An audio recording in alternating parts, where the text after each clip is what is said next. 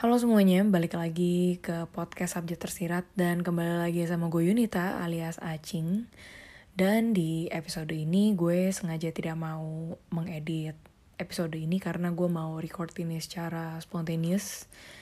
Uh, dan biasanya kalau ada episode seperti ini, ini obrolannya cukup raw dan semoga gue tidak nangis di ujung episode karena gue hari ini udah capek banget seharian nangis.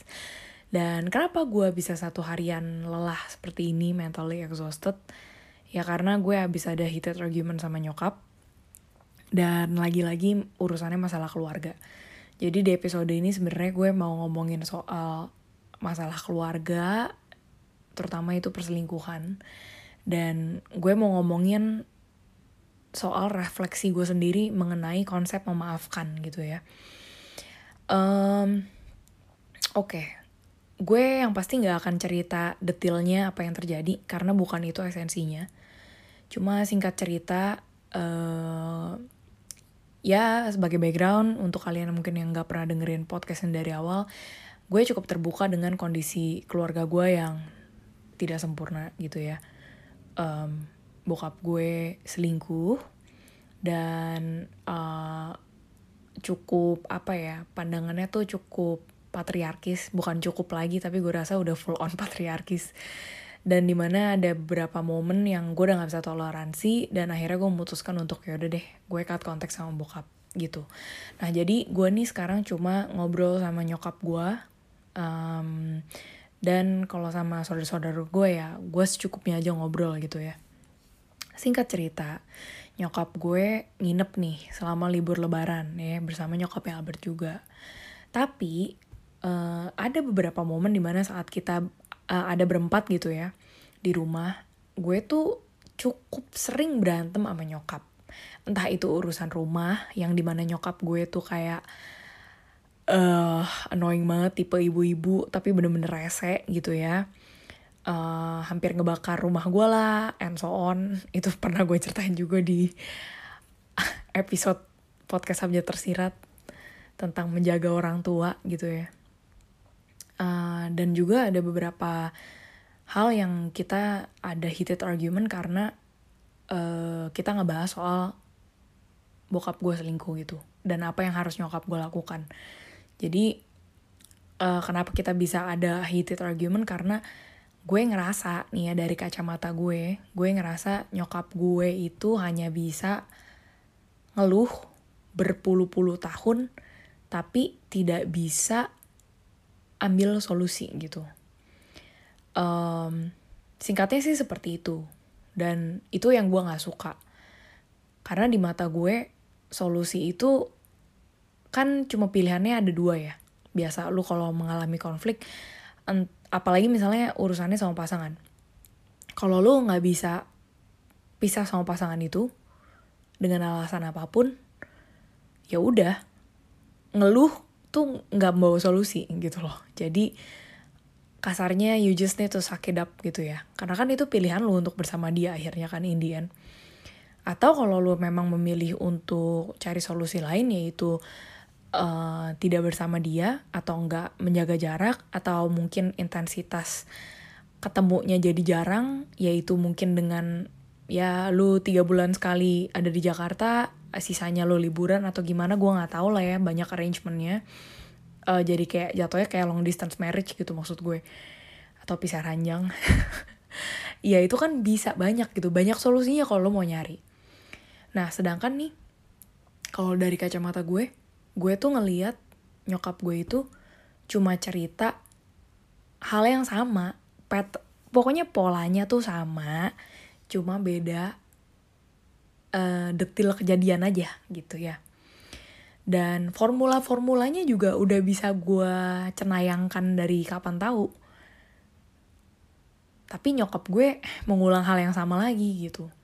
Sampai akhirnya di kasus yang kali ini ketakutan terbesar gue muncul nih di isu perselingkuhan bokap. Uh, plus gue lately lagi agak insecure gitu ya.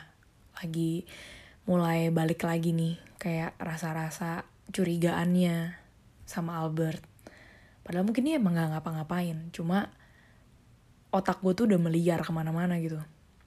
Dan ditambah ada kasus ini jadi gue tuh rasanya apa ya di satu sisi gue enek nih ya sama orang yang lu cuma bisa ngeluh tapi nggak bisa kasih solusi sama yang kedua gue tuh lagi kenapa ya kayak banyak banget cobaannya setiap kali gue lagi mau coba untuk belajar uh, sepenuhnya percaya gitu sama hubungan gue dan uh, try to believe yang the best gitu di uh, pasangan gue.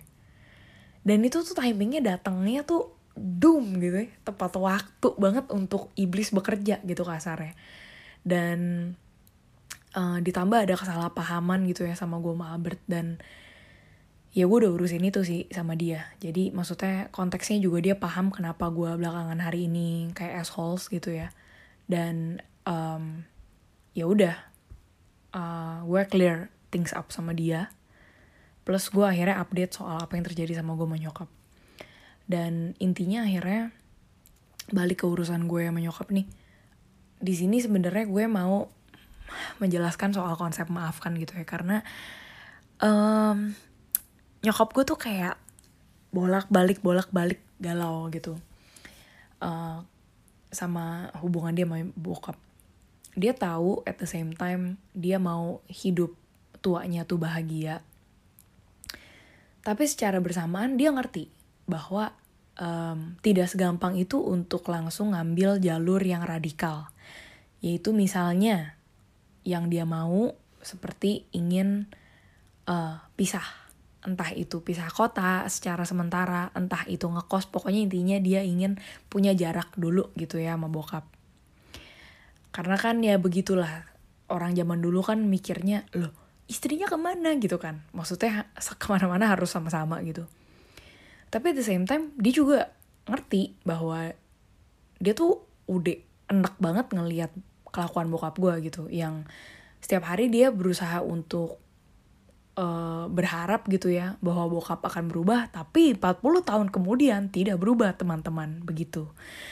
Dan tentu sebagai anaknya dan gue nggak tahu lu sekarang dengerin gue kondisi keluarga lu seperti apa tapi ketika lu menjadi anak yang dicurhatin bokap atau nyokap lu dan lu ngelihat masalah yang berulang-ulang kali terjadi tapi mereka cuma bisa ngeluh dan tidak membawa solusi apa pun itu bikin kita cukup frustrasi gitu.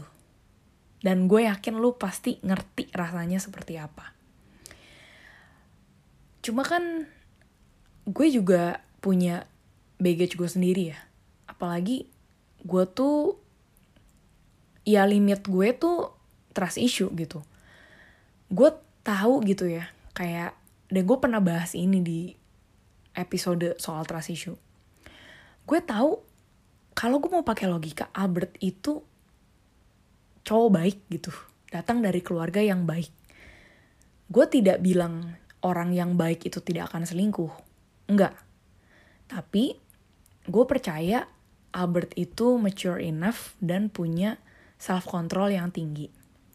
Cuma karena gue ada trust issue ini karena ngelihat bokap rasanya tuh sulit banget untuk gue merubah perspektif itu even hanya 0,1 derajat celcius gitu ya.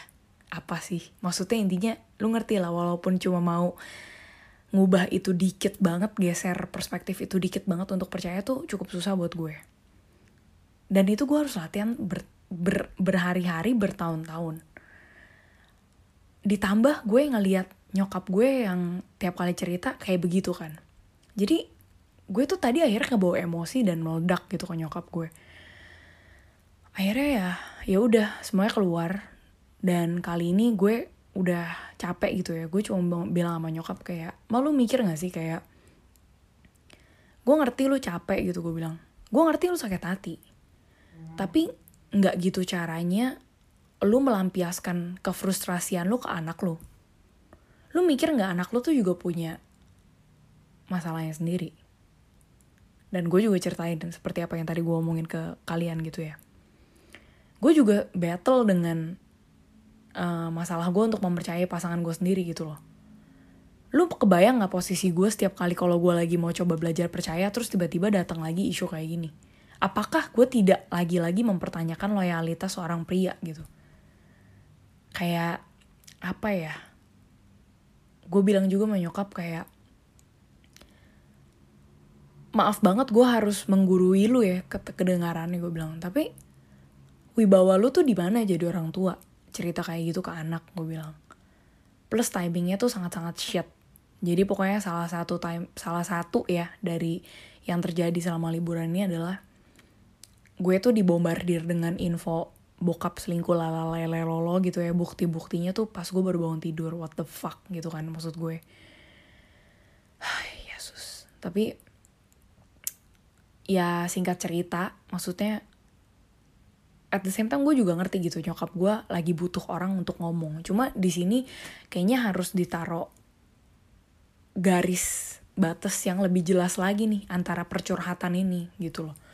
Karena sekarang, ya gue ngomong ke nyokap gitu ya, karena sekarang lu tuh gak cerita ke psikolog, atau lu gak cerita ke temen lu. Lu cerita tuh ke anak lu men. Tentang suami lu yang adalah shitnya adalah itu bokap gue. Gitu. Ya, gue aja sekarang tuh lagi belajar untuk memaafkan bokap gue ya. Bukan untuk bikin dia balik lagi ke hidup gue gitu. Dan yang ini akan gue bahas nih nanti nih akan gue jelasin juga nih soal konsep maafkan. Um, ya gue bilang gitu ke nyokap dan gue bilang sama dia nah lu kebayang nggak? Dengan lu cerita tentang papa selingkuh ini itu tapi nggak ada juntrungannya nggak tahu nih ini mau dibawa ke mana plus nggak ada solusi lu nya juga pasif agresif orangnya lu kebayang gak bebannya di gue seberapa berat untuk gue belajar memaafkan bokap gue dengan evidence-evidence yang shit ini gitu loh. Ya akhirnya gue cuma bilang sama nyokap gitu ya kayak ini terakhir hari ini terakhir lu mau ngeluarin unek-unek sama gue nih soal papa nih ini terakhir hari ini. Kenapa? Karena gue tahu batas gue. Dan nanti kalau kita ketemu lagi entah itu nginep lah entah itu apa pergi bareng lu cuma boleh cerita sama gue saat lu punya solusi. Solusinya apa pun itu terserah.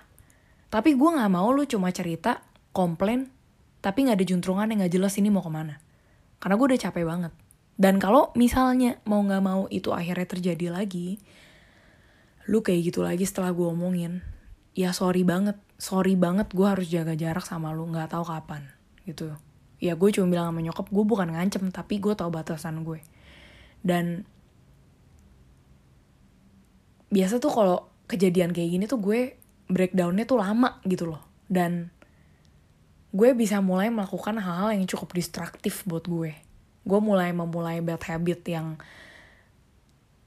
ya nggak guna gitu. Dan gue capek untuk keluar dari cycle itu lagi gitu ya. Dan intinya menyokap backgroundnya seperti itu. Nah di suatu obrolan itu nyokap gue ada sempat ngomong gitu ya tentang memaafkan jadi waktu gue ke Bangka ada obrolan intinya ya mama pokoknya mau mama bahagia mama mau ini itu. Pokoknya otaknya lagi lempeng tuh. Jadi otaknya lagi lempeng ya udah tuh dia bener-bener kayak anjrit independent woman gitu ya. Tapi pas ke sini ya gue nggak tahu ya mungkin udah belenek juga gitu otaknya. Dia ngomongin satu kalimat dari salah satu om gue yang cukup uh, rohani gitu orangnya. Uh, jadi dia bilang bahwa ya kata tuh om gitu ya. Ya udahlah udah tua ya kan. Lu mau cerai susah kali gitu kan. Mahal lu mau depan anak-anak juga kayak gimana gitu kan. Ya udahlah emang ya cuma bisa memaafkan aja. Udah minta doa aja sama Tuhan minta doa sama Tuhan. Udahlah maafin gitu. Dan ini yang interesting sih. Akhirnya gue makanya bahas ini ke nyokap dan gue mau membuka obrolan ini di episode ini gitu ya. Bahwa satu gue rasa kita sebagai anak-anak yang ngelihat orang tua kita tuh suffering as fuck. Kita mungkin jadi mempertanyakan soal memaafkan gitu ya. Apalagi kalau kita cewek. Karena di mana mana itu dan gue nggak tahu ya agama lu apa tapi setidaknya di agama Kristen ada satu ayat gitu yang uh, berbunyi uh, istri tunduklah kepada suami dan banyak banget interpretasi yang anjing menurut gue sorry banget gue harus ngomong kayak gitu. Karena diinterpretasinya sama, sama manusia yang otaknya itu mentok gitu. Yang tidak dengan kebijaksanaan Tuhan yang sebegitu besarnya gitu. Yang gue jamin Tuhan juga pas lagi ngelihat interpretasi manusia itu kayak anjing goblok banget nih orang ya gitu. Ya itu apa? Ya itu yang ujung-ujungnya nantinya merugikan si perempuan lagi gitu loh jadi di lete di lite aduh in in literation gitu ya maksudnya secara secara literal ya ampun bahasa gue secara literal itu kalau misalnya suaminya mau ngapain kek, mau berbuat jahat kek, mau nyelingkuhin lu kek gimana ancurnya kek, mau selingkuh tidur depan muka lu kek juga nggak apa-apa. Karena Alkitab berkata demikian gitu kan. Apalagi kalau udah bawa maaf maaf maafin orang gitu loh. Yang ada ayat maafkanlah orang yang menyakitimu 70 kali 777 itu yang ada di ayat Alkitab. Yang gue juga nggak tahu itu interpretasinya tuh kadang-kadang diapain sama orang. Tapi di mata gue ya dan gue nggak mau bilang gue bener cuma gue mau ngajak kita mikir gitu. Gue hanya manusia yang terbatas saat gue ngomong ini dan saat gue argue ini satu di mata gue Tuhan gak sejahat itu untuk bikin salah satu gender umatnya itu terinjak-injak gitu. Eh Tuhan macam apa yang kayak gitu? Coba deh lu pikirin Tuhan macam apa yang kayak gitu? Yang dengan alasan ada satu ayat ngomong istri tunduklah pada suami terus suaminya mau ngapain istri dengerin aja. Ini namanya goblok tau gak? Dan kenapa gue bisa ngomong kayak gitu? Karena gue tahu istrinya om gue ini tuh sempet curcol curcol colongan sama gue. Dan saat ada obrolan itu gue hanya bisa mengobservasi gitu ya. Dan apa yang dan apa yang bikin mereka tanda kutip kuat di dalam Tuhan gitu pernikahannya. Ya karena kalau nggak pakai alasan itu gue rasa tuh cewek juga udah gila kali. Udah gila dalam artian sebenarnya iya gue gua ngerti gitu. Maksudnya Tuhan tuh nggak Tuhan itu bijak gitu ya. Tapi yang namanya hubungan itu kan hubungan itu setara. Bukan hubungan itu hanya bertahan karena satu doang yang ngalah nih. Lu mau sampai kapan ngalah? Sampai lu kena kanker gara-gara lu kepahitan gitu kasarnya mohon banget mohon maaf banget nih ini di episode ini mulut gue nggak difilter karena gue udah capek banget filter mulut gue. Kayak lu mau nunggu sampai kapan sih untuk diem? Dan orang tuh sering banget loh kayak ngeliat bahwa konflik itu jelek bahwa lu tuh kalau speak up itu salah. Kayak lu melawan suami lu atau lu melawan pasangan lu enggak coy. Lu namanya pakai otak lu itu namanya.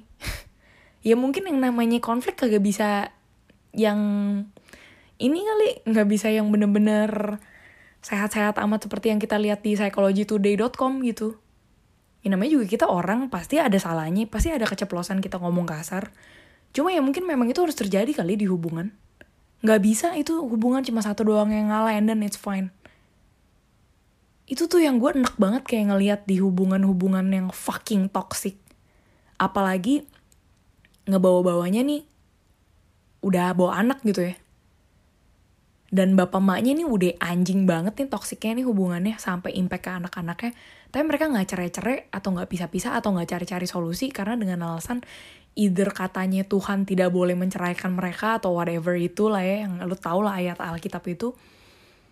Atau demi anak-anak ya demi anak-anak apa anjing? Kayak maksud gue anak-anak lu lebih suffer deh kayak ngeliat lu berdua barengan. Aduh gue nggak ngerti lagi sih. Tadi gue kayak gue kayak pengen ledakin diri gue anjir tadi siang. Sumpah deh. Oke tapi lu ngerti kan saat lu dengerin obrolan gue yang ini nih gitu ya. Entahlah situasi lu lagi seperti apa tapi kalau keluarga lu mungkin ya mirip-mirip peliknya sama gue gitu. Betapa enaknya lu denger nyokap lu atau bokap lu memberikan pembenaran pada hubungan yang super salah itu dengan either alasannya pakai bawa-bawa Tuhan atau bawa-bawa anak gitu. Atau bawa-bawa mengalah. Dan gue akhirnya ngomong gitu sama nyokap gue. Mah lu tau gak gue belajar satu hal loh soal maafkan. Satu ya menurut gue iya Tuhan itu ngajarin kita untuk maafin. Tapi lu mikir gak sih maafin itu tuh banyak banget prosesnya. Maafin itu tuh banyak banget uh, sainsnya gitu kasarnya. Lu maafin orang satu ya nggak berarti lu langsung tiba-tiba sep amnesia lu lupa sama semua yang dilakuin. Nggak itu maafin tuh bukan kayak gitu. Dan yang kedua maafin itu itu untuk diri lu sendiri. Itu untuk diri lu dulu lebih tepatnya itu hadiah yang bisa lu lakukan yang terbaik yang bisa lu berikan gitu ke diri lu ya alasannya kenapa untuk diri lu ya karena sometimes shit happens. Lu nggak tahu hidup mau bawa lu ke mana. Lu nggak tahu lu akan berpasangan dengan siapa. Ya mungkin saat itu lu nggak ada knowledge yang cukup untuk punya atau memilah pasangan yang lebih baik gitu ya. Tapi ya ada kalanya di mana lu harus maafin memberi maaf itu di hubungan itu atau atau di diri lu atau di orang itu ya untuk bikin suatu kedamaian dulu gitu ke diri lu bahwa ya udah gue admit realitinya ini yang terjadi. Ya udah gue maafin kekurangan yang suami gue lakukan. Tapi gue bilang menyokap gue juga tapi nggak berarti hal kedua adalah lu nggak berarti bikin orang itu balik ke hidup lu melakukan kesalahan yang sama. Maaf tuh bukan gitu caranya menurut gue.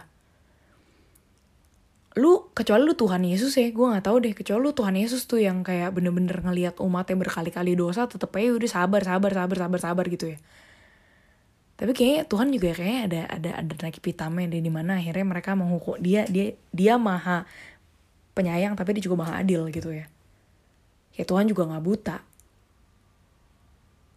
Dan itu loh yang kayak gue akhirnya ngomong ke nyokap gue bahwa lu maaf itu bukan maaf segampang itu mah lu maafin lu ngomong lu ya udahlah mau maafin papa aja kayak kata si om yang itu bilang gitu tapi lu ngerti gak sih? Lu tuh lagi coba maafin apa? Lu tuh lagi coba maafin kepahitan yang papa lakuin udah 40 tahun lalu. Ada pembahasan gak? Ada perubahan gak yang, ada bensin gak yang suruh, yang bisa bikin lu kayak gitu? Untuk punya kapasitas itu. Elunya sendiri udah maafin diri lu belum? Banyak banget mah, maksudnya konsekuensi dari maaf itu gitu loh yang bukan cuma orang yang ngulangin-ngulangin terus-terus elunya jadi yang harus sabar. Nggak kayak gitu konsepnya. Anjing gue sampai capek. Ya gimana ya? Ini mungkin sedikit akan gue bawa soal berubah, konsep berubah gitu. Karena setelah gue ngomong itu nyokap gue balas ngomong gini ya mama tuh dari dulu cuma bisa berharap gitu. Waktu papa selingkuhin mama waktu tidur sama adiknya mama itu mama udah nungguin. Mungkin kalau punya anak ketiga keempat berikutnya berikutnya berikutnya papa berubah. Mungkin kalau misalnya kita sampai mentok-mentok-mentok banget secara finansial mungkin papa berubah mungkin ini itu itu berubah. Dan aduh nih demi menjaga privasi ya. Banyak banget deh hal-hal yang kalau gue ceritain ke lu mungkin lu kayak ah, anjrit sih keluarga lu cocok untuk dijadikan sinetron gitu. Karena udah banyak banget cara-cara yang cukup radikal yang sudah kita masing-masing anaknya pun lakukan untuk bokap gue berubah dalam bentuk perselingkuhan ini gitu ya. Dalam urusan perselingkuhan maksud gue tapi nggak membuahkan hasil gitu. Dan di sini nih gue makanya mau kasih lihat kalian mungkin yang nggak tahu ya punya konsep cinta yang tolol gitu. Aduh mohon mohon mohon, mohon maaf banget gue. Kayak judgmental tapi that's the way it is. Gue ngerasa banyak atau ada beberapa orang lah ya yang mungkin sering lo lihat gitu. Mereka udah tahu gitu pasangannya red flagsnya tuh udah segede apa tahu gitu ya. Tapi masih tetap dijalanin loh. Dengan alasan ya gue nggak tahu kalau misalnya gue nggak sama dia gue sama siapa lagi gitu kan. Itu satu. Yang kedua ngomong eh mungkin dia akan berubah saat dia ah, saat kita menikah atau punya anak. Mungkin dia akan lebih bertanggung jawab gitu kan. Aduh nih gue kasih lihat contoh nyatanya nih udah ada cerita bokap sama nyokap gue. Itu aja sih yang mau gue bilang ke kalian gitu. Gue nggak ngerti itu logiknya dari mana lo mikir kayak gitu sih. Dan kalau lo bilang lo ngomong kayak gitu gara-gara lo sayang pasangan lo itu fucking bullshit. Karena lo purely cuma sayang sama diri lo sebenarnya. Lo purely egois. Lu tuh cinta sesangking cintanya itu sama diri lu lu obses obsesnya sama pasangan lu. Lu tuh tahu lu tuh wasting time or lu lu buying time lebih tepat ya untuk nggak ngambil decision yang harusnya lu ambil. Untuk kebaikan lu terutama dan kebaikan lu berdua. Biar nggak waste everyone's time and energy. Yet lu tetap pakai alasan dengan alasan gue kan cinta banget sama dia gitu. Gue nggak bisa mikir hidup gue tanpa dia gimana. Enggak men. Lu kalau mau jujur sama diri lu lu tuh cuma sayang sama diri lu sendiri dan gue rasa kalau nyokap gue bisa turn back time dia akan ngelakuin apa yang mungkin masa-masa uh, yang sekarang kita jalanin gitu. Itu dia punya pilihan untuk mikir bahwa dia punya pilihan. Dan gue ngerasa kalau di zaman nyokap gue nyokap gue jatuh ke hubungan yang toxic itu sama bokap gue gue masih bisa paham ya gitu karena di saat itu informasi soal relationship sangat tabu. Nggak ada yang gitu bahas.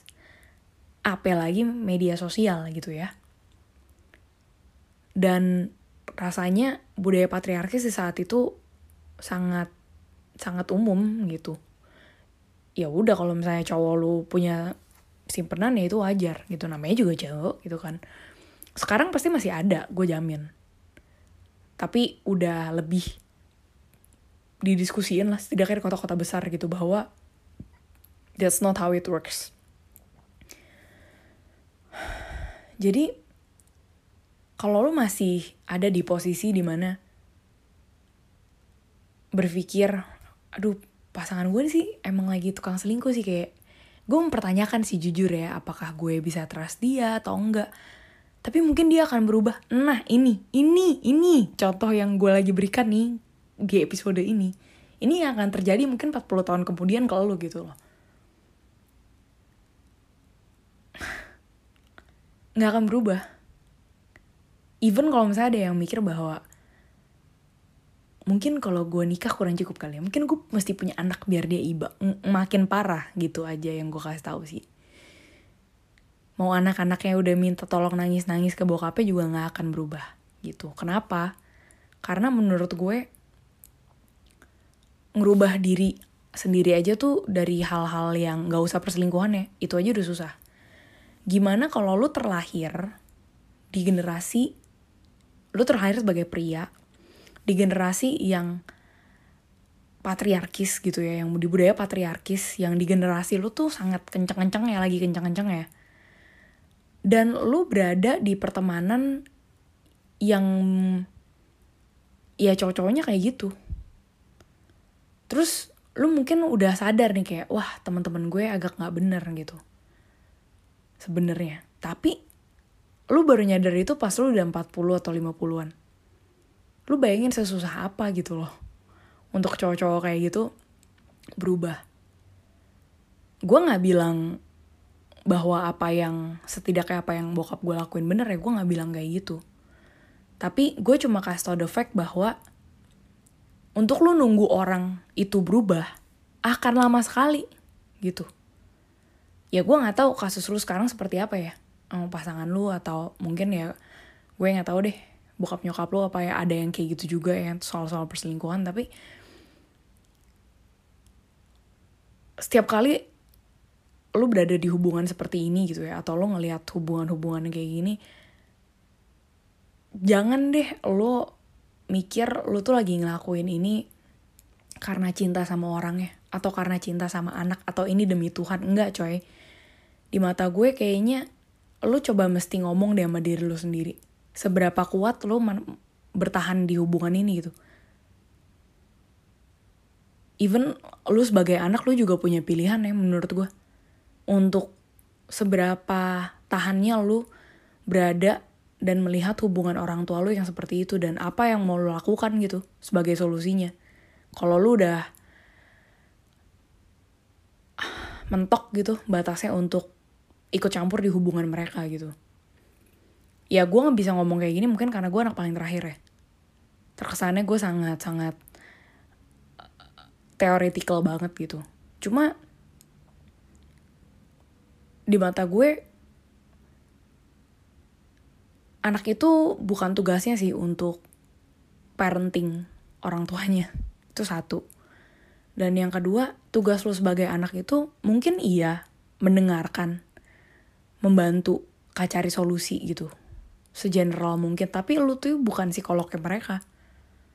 Dan ini gue udah pernah ngomong juga ya di entah itu di tulisan gue entah di episode podcast gue gitu yang ngebahas soal perselingkuhan orang tua bahwa standar lu dianggap sebagai anak yang berbakti itu bukan dengan cara menyelesaikan masalah pernikahan mereka sih. Karena masalah pernikahan mereka itu udah ada dari sebelum lu lahir man how can you fucking solve it? Kayak lumayan impossible sih di mata gue. Ya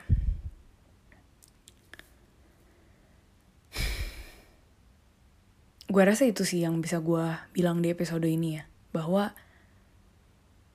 saat kita ngomongin soal konsep memaafkan tuh memaafkan itu penuh dengan sainsnya gitu. Nggak segampang lu orang yang minta maaf terus lu maafin dari kata-kata doang gitu ya. Karena ya maaf cuma kata-kata doang nggak ada tindakannya sama aja. Dan nyokap gue berkali-kali juga sempet cerita nyokap apa bokap gue tuh ngomong nyesel nyesel tapi ya nggak ada tindakan konkret untuk berubah. Gitu. Kalau lo emang bener-bener niat berubah ya lo ubah sistem pertemanan lo juga kalau bisa. Dari temenan-temenan lo yang mungkin ya menjerumuskan lo ke hal yang sama lagi selingkuh-selingkuh lagi dan gak jelas lagi gitu. Dan ya memaafkan itu lebih tepatnya bukan untuk lo kasih ke orang lain tapi itu hadiah untuk diri lo sendiri sih biar lu gak mati karena bitterness. Dan gue ngomong ini gampang ya. Cuma gue tahu prakteknya susah, gue tahu. Tapi itulah salah satu jalan yang mungkin kita bisa belajar ambil buat dapat the true freedom in life. Supaya kita tahu gitu bahwa saat kita maafkan ya beneran untuk closure untuk diri kita sendiri tanpa orang itu mungkin ngomong maaf ke kita. Ya udah nggak apa-apa kalau orang yang ngomong maaf juga nggak masalah. Yang penting kita kasih maaf itu untuk diri kita sendiri. Dan saat kita maafin orang lain akhirnya kita bisa maafin tuh orang ya nggak berarti kita mentoleransi apa yang sudah dia lakukan tiba-tiba kita lupa. Plus kita ngizinin tuh orang lagi untuk melukai diri kita ya. Ya kalau emang kita ada kesempatan untuk cut off orangnya ya udah cut off gitu. Ya, itulah yang bisa gue bilang. Dan pakailah kesempatan sebesar-besarnya, entah itu lo masih jomblo atau enggak, untuk bener-bener belajar dan observasi lagi sih tentang relationship di mata gue. Karena ya gue cukup jadi saksi mata dari orang kedua orang tua gue ya. Di mana ya mereka juga jadi sama-sama korban dari budaya patriarkis dan juga mungkin kesempatan untuk belajar soal relationship tuh dikit banget gitu. Relationship bukan cuma ada tentang merit tapi tentang diri mereka sendiri juga begitulah so thank you buat kalian yang udah dengerin I hope obrolan ini bisa membantu kalian in some ways.